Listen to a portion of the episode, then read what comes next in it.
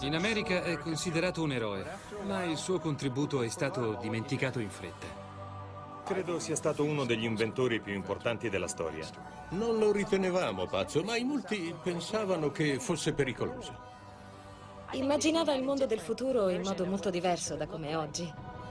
Ma il XX secolo gli deve comunque molto.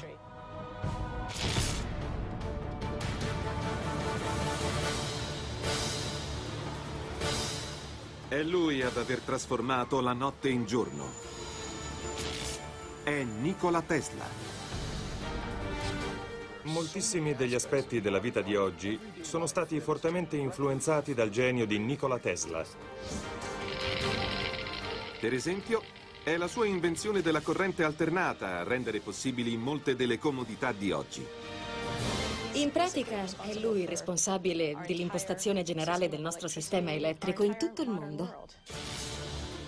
Tuttavia, negli ultimi anni di vita, la sua intelligenza, dalla quale sono scaturiti più di 100 brevetti, secondo alcuni viene adombrata dalla follia. Venne considerato una sorta di scienziato pazzo, totalmente fuori controllo e che avrebbe distrutto il mondo. Invece, egli voleva che l'umanità progredisse. È grazie a Tesla se oggi possiamo accendere la luce con un semplice clic. Eppure è da quello stesso genio che sgorga la mania di salvare piccioni feriti, la repulsione per i gioielli o la convinzione di ricevere messaggi dallo spazio. I nostri successi e i nostri fallimenti sono tra loro inscindibili, proprio come la materia e l'energia. Se vengono separati, l'uomo muore. Nikola Tesla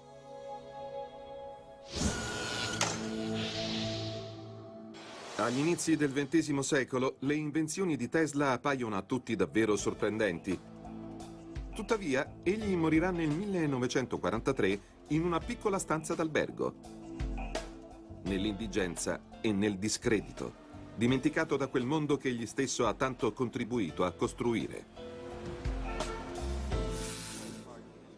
Stranamente però l'FBI raccoglie molte informazioni su di lui e quando muore i suoi documenti e le sue carte spariscono misteriosamente.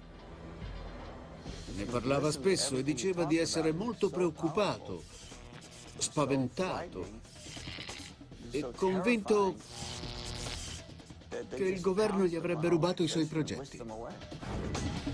Ma quali sono queste idee tanto potenti da minacciare la sicurezza nazionale? E sono frutto della follia o della genialità?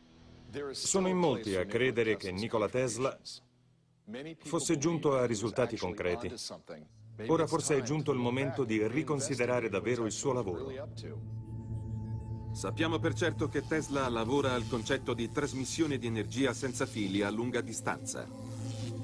È una visione decisamente azzardata, allora. Eppure ricorre spesso nei suoi progetti. Per capire la portata di una simile idea, basta fare riferimento a un'invenzione di incredibile potenza che lo scienziato brevetta nel 1891, a soli 35 anni. La bobina di Tesla. Era qualcosa di completamente diverso da tutto quanto fosse stato inventato fino ad allora. Per averne un'idea, basta pensare a una pompa gigante. Eccone un esemplare di oggi. Per farla funzionare siamo collegati a una normale presa di corrente.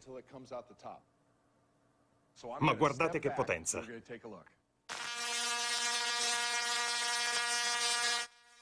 Una bobina di Tesla è in grado di elevare la potenza di una presa a muro da 120 volt a più di 500.000 volt. Per avere un'idea, Immaginiamo il flusso di elettricità attraverso i cavi come fosse un flusso di acqua che scorre all'interno di un tubo. Il voltaggio può essere paragonato alla pressione dell'acqua. Se all'estremità del tubo si annette un erogatore, la pressione dell'acqua viene incredibilmente aumentata, mentre l'afflusso diminuisce. La bobina di Tesla lavora in modo simile. La corrente a basso voltaggio passa attraverso una spirale principale e poi viene trasferita a un'altra, secondaria e più lunga, che proprio come un erogatore riduce la corrente ma eleva il voltaggio. Perché il getto possa arrivare a grande distanza, un pompiere deve collegare la bocchetta a un idrante antincendio. La bobina di Tesla funziona nello stesso modo. Usando un'enorme bobina, Tesla ritiene di poter pompare e riempire di energia elettrica l'atmosfera. Secondo lui la Terra può essere utilizzata come un naturale conduttore di elettricità che permetterebbe di diffondere corrente in tutto il mondo. In pratica il nostro pianeta non sarebbe altro che una gigantesca spina. Per dimostrare questa teoria davvero originale, nel 1893 Tesla lascia la propria casa di New York per cominciare i suoi esperimenti nelle lontane distese del Colorado. Secondo lui era possibile individuare quella specifica frequenza che avrebbe colpito la Terra come fosse un martello. Credeva cioè che la Terra potesse entrare in risonanza elettrica proprio come una campana risuona grazie al suo battaglio. Tesla costruisce così il suo laboratorio, con accanto una torre alta ben 25 metri. All'interno di questa struttura c'è un'enorme bobina. La costruzione di questo laboratorio, con dentro un tale incredibile arco voltaico, sconvolse gli abitanti del Colorado che lo interpretarono come una sfida all'operato di Dio. Catturando l'elettricità naturale presente sul territorio e immettendola nel sistema elettrico locale, la bobina di Tesla produce 12 milioni di volts e gli dimostra così la fondatezza della sua teoria, la possibilità di trasferire l'elettricità senza fili. Quando la macchina viene accesa, l'intero laboratorio si riempie di elettricità ad alto voltaggio e ora ve lo dimostro.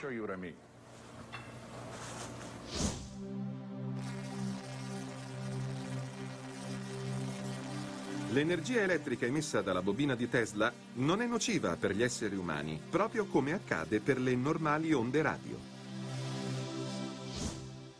Molto semplicemente l'elettricità attraversando l'aria arriva fino alla lampadina e la accende. Questo è il succo dell'idea di Tesla. Voleva che l'energia potesse circolare liberamente e chiunque potesse captarla. Per Tesla l'esperimento in Colorado è un successo. Egli dimostra che l'elettricità può essere trasmessa e anche una lampadina distante oltre un chilometro dalla fonte si accende.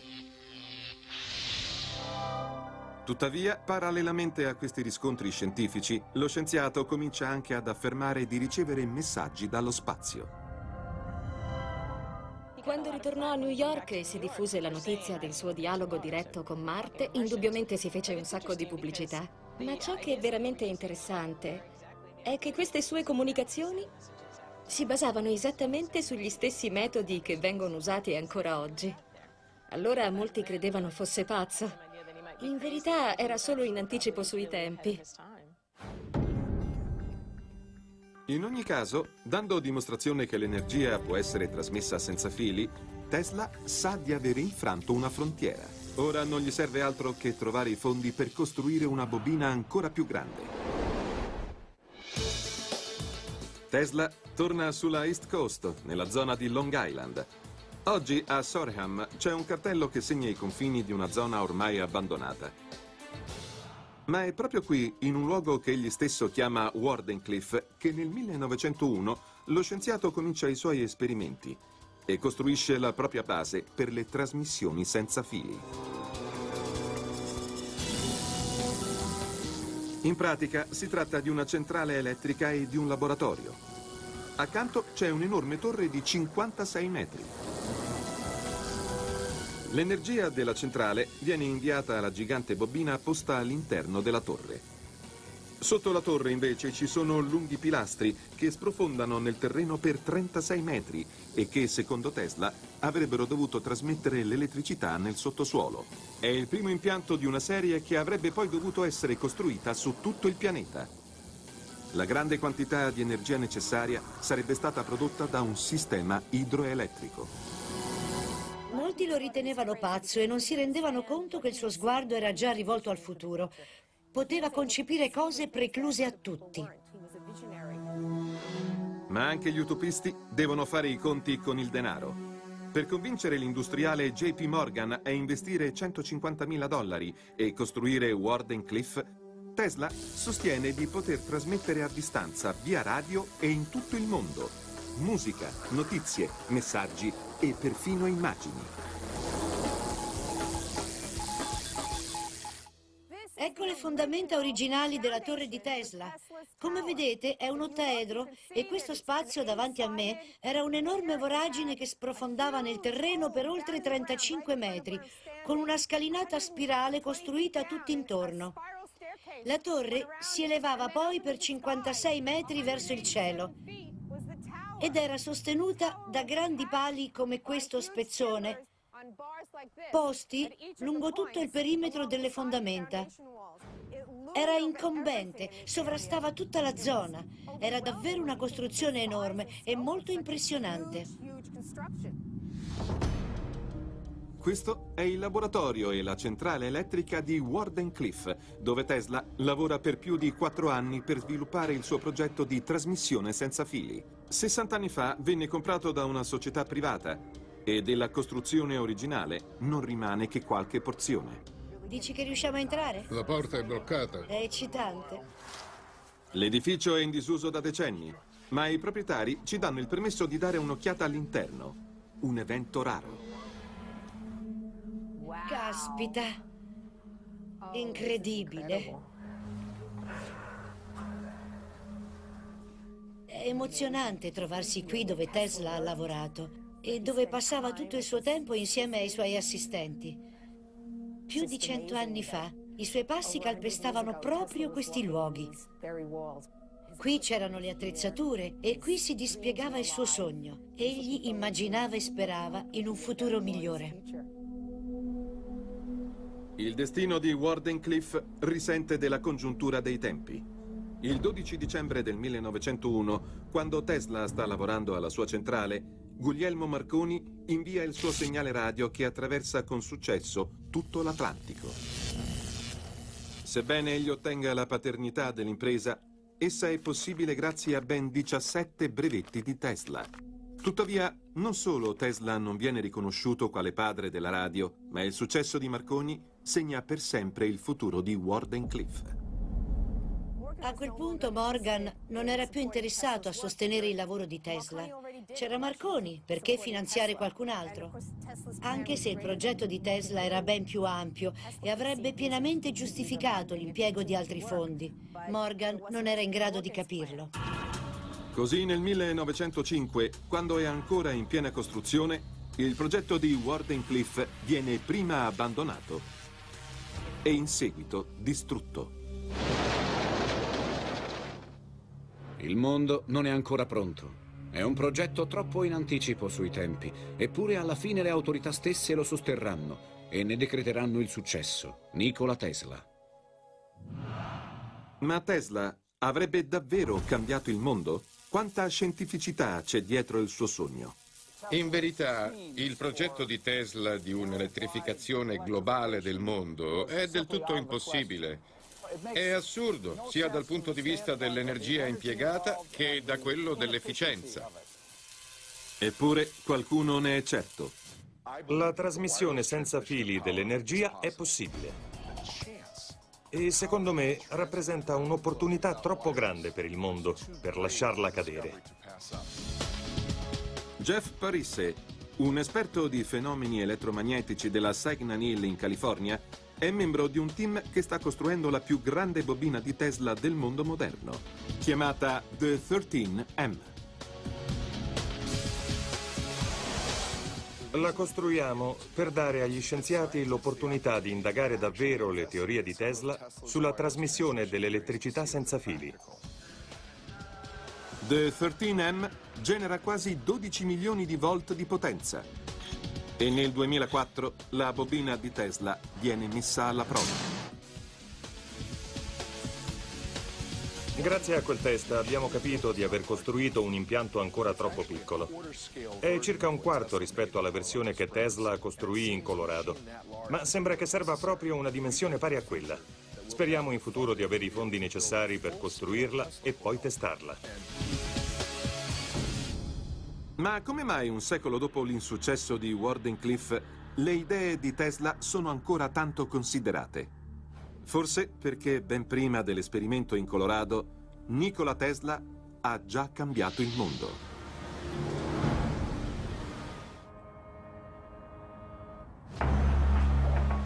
Oggi l'elettricità è una realtà data per scontata. Grazie a una qualunque presa, l'energia che soddisfa molti dei nostri bisogni è a portata di mano. Secondo la leggenda, l'uomo che ha reso possibile tutto questo nasce in Croazia nel 1856, allo scoccare della mezzanotte, durante una tempesta elettromagnetica. Associare Tesla a tuoni e fulmini fu spontaneo e immediato.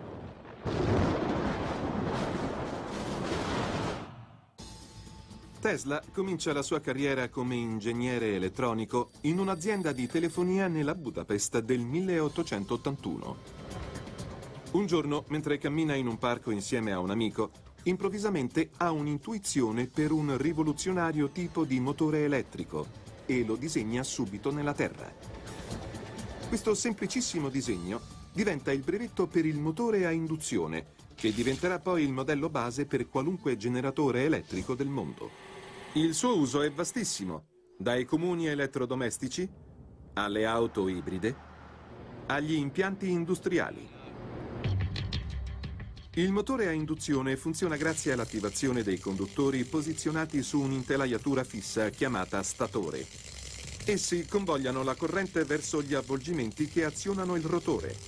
La corrente alternata dei conduttori produce un campo magnetico che alterna le polarità positiva e negativa. Il rotore si muove rispondendo alla legge di attrazione-repulsione fra i suoi avvolgimenti e i conduttori.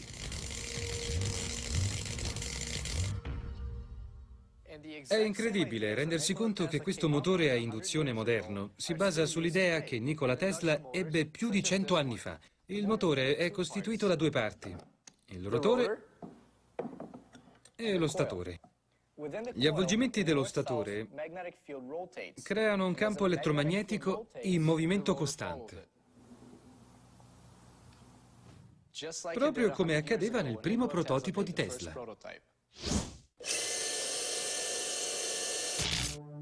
Nel 1884, a soli 28 anni, Tesla si trasferisce in America con in tasca poco denaro e una lettera di raccomandazione del suo capo indirizzata a Thomas Edison, in cui è scritto Conosco solo due grandi uomini, uno siete voi, l'altro è questo giovane. Edison assume il brillante ingegnere e gli chiede di riprogettare i generatori della sua azienda per un compenso extra di 50.000 dollari. Tesla mette a punto moltissimi brevetti che incrementano i profitti della società e chiede di poter riscuotere il suo premio. Edison era sbalordito. Gli disse, Tesla, lei non ha capito il senso dell'umorismo di noi americani e gli negò i 50.000 dollari. Tesla allora, senza esitare, rassegnò le dimissioni. Tra il giovane genio e l'affermato inventore inizia così una lunga faida. Tesla lasciò Edison su due piedi, ma questo gli costò un anno di vita in condizioni davvero misere. Tutti i suoi sogni rischiavano di svanire.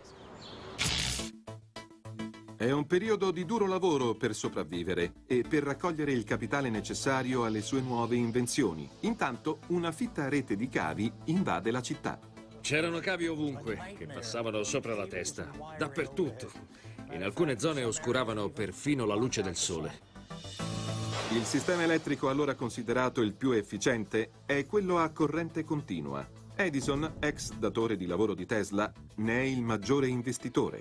Ma secondo Tesla deve esistere un sistema più efficace e questa convinzione è alla base della sua invenzione, la corrente alternata, destinata a diventare il sistema più utilizzato in tutto il mondo.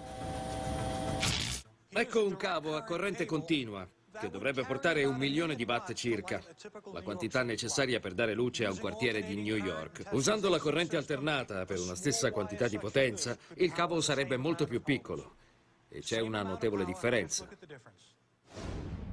La differenza fondamentale tra corrente continua e corrente alternata è nel modo in cui l'energia scorre. Nel primo caso, il flusso di elettroni che si muove tra il polo negativo e quello positivo deve essere continuo. Per far capire meglio ciò che accade, abbiamo colorato di rosso gli elettroni che durante la fornitura di energia si spostano. Una volta eseguito il loro lavoro, tornano al generatore. Il problema però è che lungo i cavi essi incontrano resistenza, soprattutto su lunghe distanze, e così si verifica molta dispersione di energia che non arriva a destinazione. Il progetto di Edison prevedeva la costruzione di una centrale a una distanza di circa un chilometro, in modo da mantenere stabile il voltaggio lungo la trasmissione.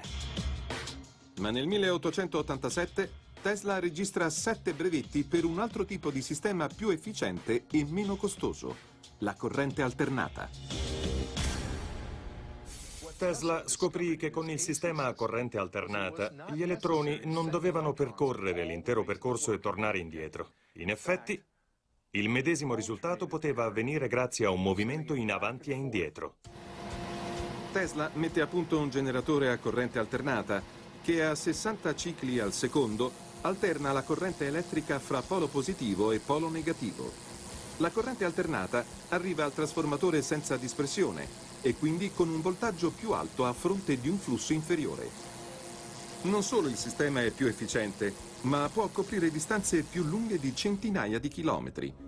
Secondo l'imprenditore miliardario George Westinghouse, l'invenzione di Tesla può essere la soluzione per l'invio di energia a lunga distanza. E così acquista il brevetto per 60.000 dollari e un pacchetto di quote della propria società. Se il sistema a corrente alternata avesse avuto il successo che si meritava, Tesla sarebbe diventato un uomo ricco. Dal 1891 egli è ufficialmente cittadino degli Stati Uniti, ma proprio in quello stesso anno si scatena una guerra aspra tra lo scienziato e l'ex datore di lavoro, Thomas Edison, che lancia una campagna a sfavore della corrente alternata, sostenendo che è pericolosa. Per la gente comune si tratta solo di esperimenti bizzarri, durante i quali alcuni sventurati animali vengono fulminati. Nel 1892 Edison convince l'amministrazione dello Stato di New York a utilizzare l'invenzione di Tesla e della Westinghouse per le esecuzioni dei condannati a morte. Un giornalista lo definisce uno spettacolo raccapricciante, ma Edison ormai è riuscito a etichettare negativamente il sistema. Che si tratti di fulminare un animale o un detenuto, il punto è che comunque nessuno voleva saperne niente. Tuttavia, nel 1893, malgrado la pessima pubblicità, Tesla e Westinghouse vincono l'appalto per l'illuminazione dell'Esposizione Universale di Chicago, la prima fiera che utilizza solo energia elettrica. Edison ha perduto la sua buona occasione e la frustrazione lo spinge a negare a Tesla l'uso del proprio brevetto per le lampadine. Tesla dovette inventarsi una propria lampadina e in soli sei mesi doveva riuscire a produrne 250.000. La lampadina di Edison funziona grazie alla sua base a vite e anche il metodo per creare il vuoto all'interno del bulbo è sotto brevetto. La soluzione di Nikola Tesla è usare una lampadina la cui base sia tappata con del vetro trattato e attraverso la quale passino i connettori di contatto. In questo modo non solo può fare a meno di usare il brevetto di Edison, ma la sua lampadina è più facile e molto più veloce da fabbricare. È il primo maggio 1893. Il presidente Grover Cleveland spinge un interruttore e più di 200.000 lampadine a luminescenza illuminano la fiera. È un successo enorme che apre l'epoca della moderna illuminazione elettrica. Se tutto questo accadde fu grazie al genio e alla bravura di Tesla e da quel momento in poi diventò famoso in tutto il mondo. Tesla, rincuorato da questa vittoria su Edison, continua a pensare che la corrente alternata sia il metodo del futuro. Per dimostrarlo, cerca di catturare l'energia di una delle più grandi meraviglie naturali del mondo. Le persone che ne hanno ammirato la straordinaria potenza sono migliaia. Le cascate del Niagara riversano più di 3 milioni di litri al secondo di acqua, producendo abbastanza energia da generare 2,4 milioni di kilowatt di potenza. In pratica, quanto basta per rifornire di elettricità mezza Las Vegas in una calda notte estiva. Già in passato, nel Settecento, molti pionieri avevano eretto le loro segherie lungo il fiume Niagara, intuendo la possibilità di imbrigliare l'enorme potenza della cascata. Nel 1893, dopo il trionfo all'esposizione di Chicago, l'amministrazione delle cascate assegna a Tesla e alla Westinghouse il compito di utilizzare l'acqua per generare corrente alternata. Il più grande consumatore di energia elettrica prodotta dalle cascate del Niagara era Buffalo, una città a oltre 30 km di distanza. Per utilizzare un sistema a corrente continua sarebbe stato necessario costruire una centrale ogni 3 km e non era certo pratico. Invece, con la corrente alternata, tutto ciò non era necessario. Tesla progetta e costruisce un complesso sistema di motori e generatori che producono corrente alternata. Tesla non scrisse mai nulla. La maggior parte di questi progetti erano tutti nella sua testa e poi ne parlava con i suoi collaboratori. Viveva nel suo mondo, erano gli altri a comunicare le sue idee.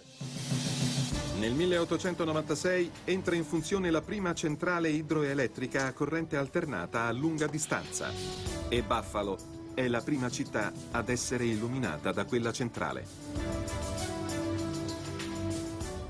Tesla non fu presente al momento della messa in funzione, ma era certo che tutto sarebbe andato per il meglio. Oggi la struttura originale di Tesla è stata sostituita con un nuovo impianto e uno degli edifici più importanti della storia del mondo moderno è stato abbandonato e dimenticato.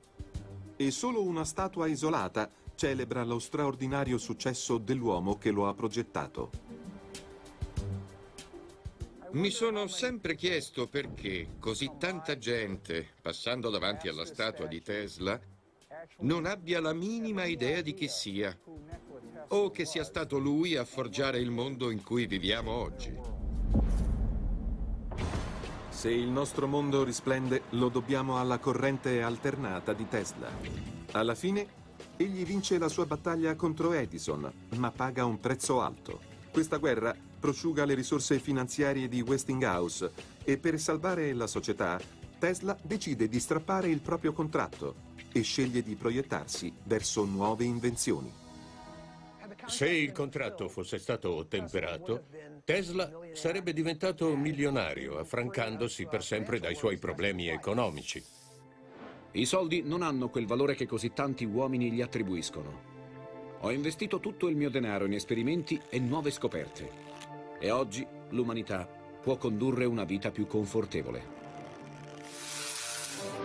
Dopo il trionfo su Edison e il successo della corrente alternata, Tesla è una celebrità.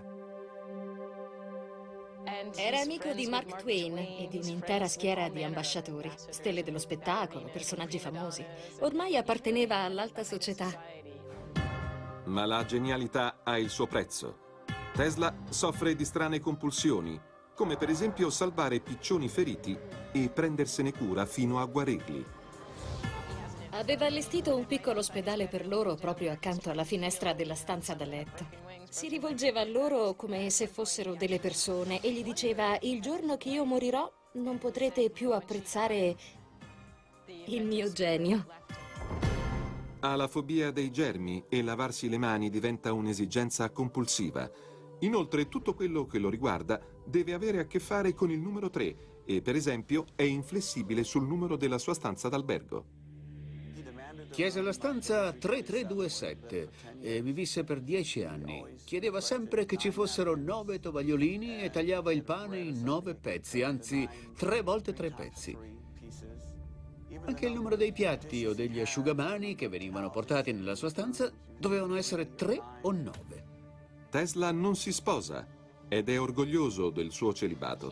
Aveva una vera repulsione per le donne con i buchi alle orecchie. Solo vederli o solo l'idea di un orecchino di perle lo faceva impazzire. Lo innervosivano, peggio dell'effetto di un'unghia sulla lavagna. Malgrado le sue ossessioni e le sue manie, Tesla prosegue nel produrre invenzioni fondamentali a ritmo continuo. Nel 1898 mette a punto un sistema di controllo a distanza del quale dà dimostrazione pubblica al Madison Square Garden, controllando una barca solo grazie alle onde radio.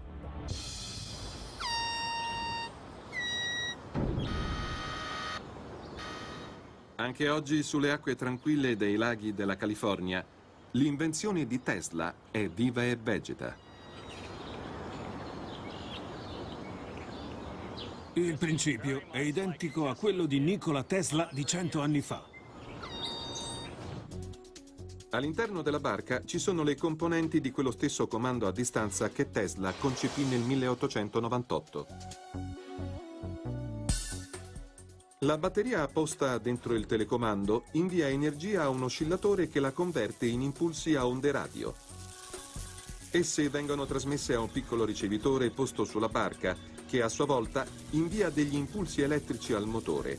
Ed è la diversità di questi impulsi elettrici che provoca il diverso movimento del motore e quindi il cambio di direzione. Usando una leva, l'operatore può controllare il segnale radio e quindi far virare la barca. Le applicazioni moderne di questo principio di controllo a distanza sono innumerevoli, dal telecomando TV ai robot per uso militare e per missioni di perlustrazione, ai satelliti lanciati nello spazio.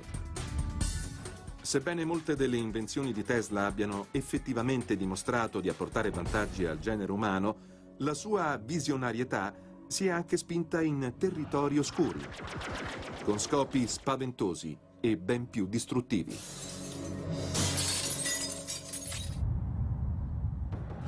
Una delle forze naturali più potenti sono i terremoti. Supponiamo che questa forza possa essere imbrigliata e resa un'arma. Secondo alcuni, Tesla sa come fare. La tecnica della telegeodinamica si basa su un oscillatore meccanico, un dispositivo, cioè, in grado di produrre vibrazioni per entrare in risonanza con diversi tipi di strutture e materiali. L'oscillatore meccanico si basa sul principio secondo il quale ogni materiale ha una propria frequenza di risonanza. Se tale frequenza viene amplificata da una fonte esterna, come un oscillatore, qualunque tipo di materiale può essere scosso fino a un punto di rottura. La distruzione del Tacoma Narrows Bridge di Washington del 1940 dimostra questo principio. I venti colpiscono violentemente il ponte con la giusta frequenza, provocando così la forte oscillazione della struttura d'acciaio secondo un preciso schema ritmico che alla fine la distrugge. Per dimostrare il potere della risonanza, basta osservare cosa succede a un bicchiere che vibra fino al suo punto di rottura. Innanzitutto mettiamo in vibrazione il bicchiere e usiamo un microfono per collegare l'oscilloscopio e conoscere la frequenza del vetro. Poi regoliamo un generatore su questa frequenza e lasciamo che il suono venga emesso tramite un amplificatore. Poiché il vetro si muove a più di 400 oscillazioni al secondo, accendiamo una luce stroboscopica così da vederne il movimento. Anche il rumore sarà forte, quindi servono delle protezioni. Con l'aumentare dell'intensità anche le vibrazioni aumentano e il vetro raggiungerà il suo punto estremo. Alzando il volume si romperà.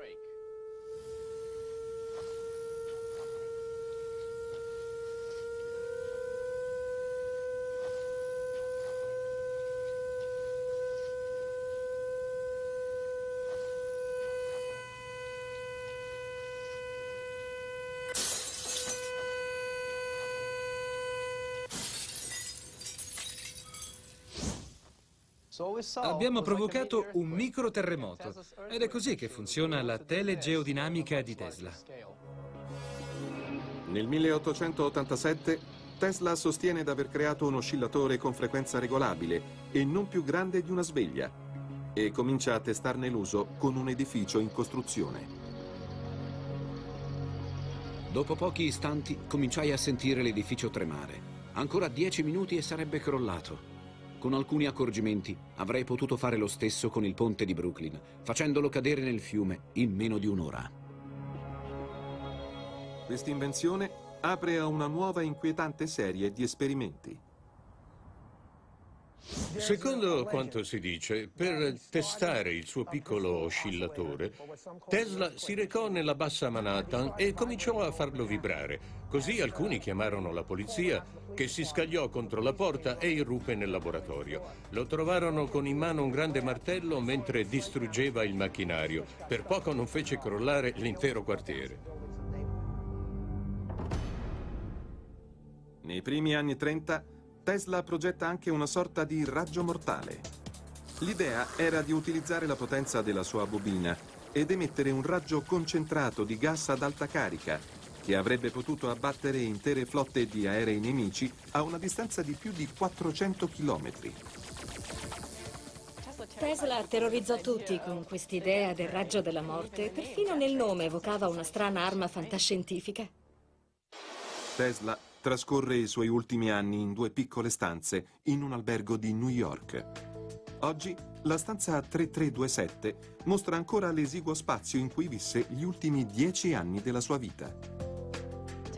Tesla morì solo nella sua stanza d'albergo.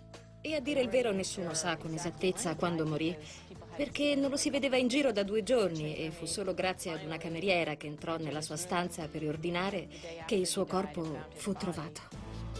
Quando ne viene accertata la morte, Tesla ha 86 anni. Molti cominciano a sostenere che l'FBI abbia confiscato i suoi appunti. Ci fu grande preoccupazione a quel tempo sia per la sua morte che per quello che poteva essere successo ai suoi iscritti. Si temeva che i nazisti potessero entrarne in possesso.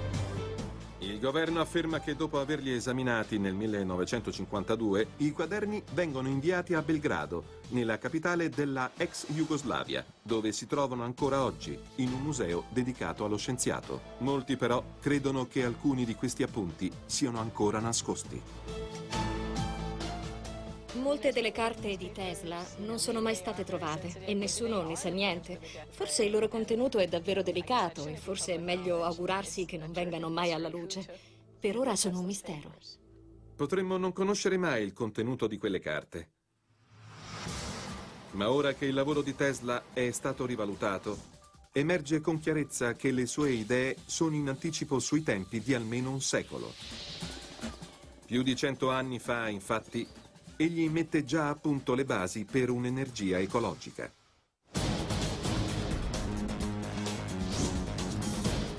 Nei soli Stati Uniti si consumano più di 20 milioni di barili di petrolio al giorno e il prezzo della benzina è sempre più alto. Cento anni fa Tesla intuisce ciò che accadrà in futuro. Se per produrre energia continuiamo a usare combustibili fossili, ben presto avremo esaurito una delle nostre principali risorse. È un metodo barbaro e dobbiamo smettere nell'interesse delle generazioni future. Secondo Tesla, il modo e il ritmo con cui la società bruciava combustibile non rinnovabile era stupido. Il petrolio aveva appena fatto la sua comparsa, ma egli sapeva già che presto sarebbe stato necessario trovare fonti alternative. Tesla anticipa lo studio e l'elaborazione di ciò che oggi chiamiamo energie rinnovabili. Nel 1901 egli brevetta un sistema per l'utilizzo di energia radiante. In particolare si tratta di sfruttare l'energia del Sole e dei raggi cosmici. Nikola Tesla fu uno dei primi a comprendere che avremmo avuto a disposizione una fornitura infinita di energia proveniente dal Sole. Scommetto che sarebbe rimasto sorpreso di scoprire che oggi usiamo davvero l'energia solare. Secondo lo scienziato, anche la Terra è una fonte importante. Nel 1931 scrive un articolo per il New York Times intitolato I futuri metodi dell'energia, nel quale suggerisce l'uso dell'energia geotermica. Tutto ciò che serve è trovare un modo rapido ed economico per immergersi a grandi profondità e accedere a questa gigantesca energia geotermica.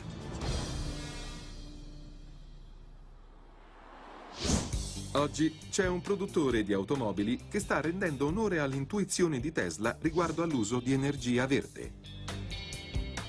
La Tesla Motors di San Carlos in California produce un'auto che accelera da 0 a 100 km orari in 3,9 secondi.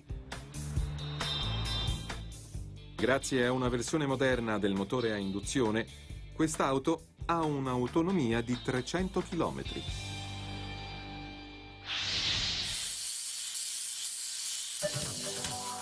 Tesla è anche un pioniere nell'illuminazione ecologica. Le lampadine fluorescenti che illuminano l'esposizione universale di Chicago del 1893 durano più a lungo di quelle di Edison e sono le antesignane delle lampadine a risparmio energetico usate oggi. Ecco una lampadina di Edison. Il filamento è fatto di carbonio e l'energia che lo attraversa lo scalda, producendo così una luce di colore bianco. Ma è poco efficiente perché molta dell'elettricità che entra nella lampadina produce più calore che luce. Tesla mise a punto una versione che si basava su un principio differente e che non produceva calore. Essa generava luce grazie a un gas inserito all'interno del tubo, nel quale si trovavano anche degli elettrodi che, grazie alla corrente, eccitavano il gas, incendiandolo e quindi diffondendo luce su tutto il perimetro.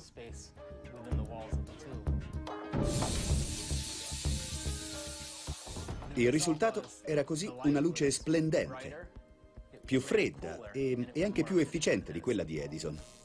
Le lampadine a fluorescenza di oggi funzionano seguendo lo stesso principio. Il gas all'interno viene eccitato grazie a un alto voltaggio. Esattamente ciò che Tesla aveva progettato. Quante altre idee di Tesla sono corrette ma troppo avanzate per il suo tempo? Se finora la storia ha ignorato questo genio, oggi lo sta riscoprendo. Credo che un giorno dovremo studiare a fondo tutte le idee di Tesla e riscoprire quei segreti che egli ci voleva svelare. Nikola Tesla ha contribuito a forgiare il mondo così come lo conosciamo oggi e ci sono voluti anni perché lo riconoscessimo, ma ora le cose stanno cambiando. Forse la maggiore eredità di Tesla è il suo spirito creativo, che non mette confini al pensiero e che davvero crede che tutto sia possibile.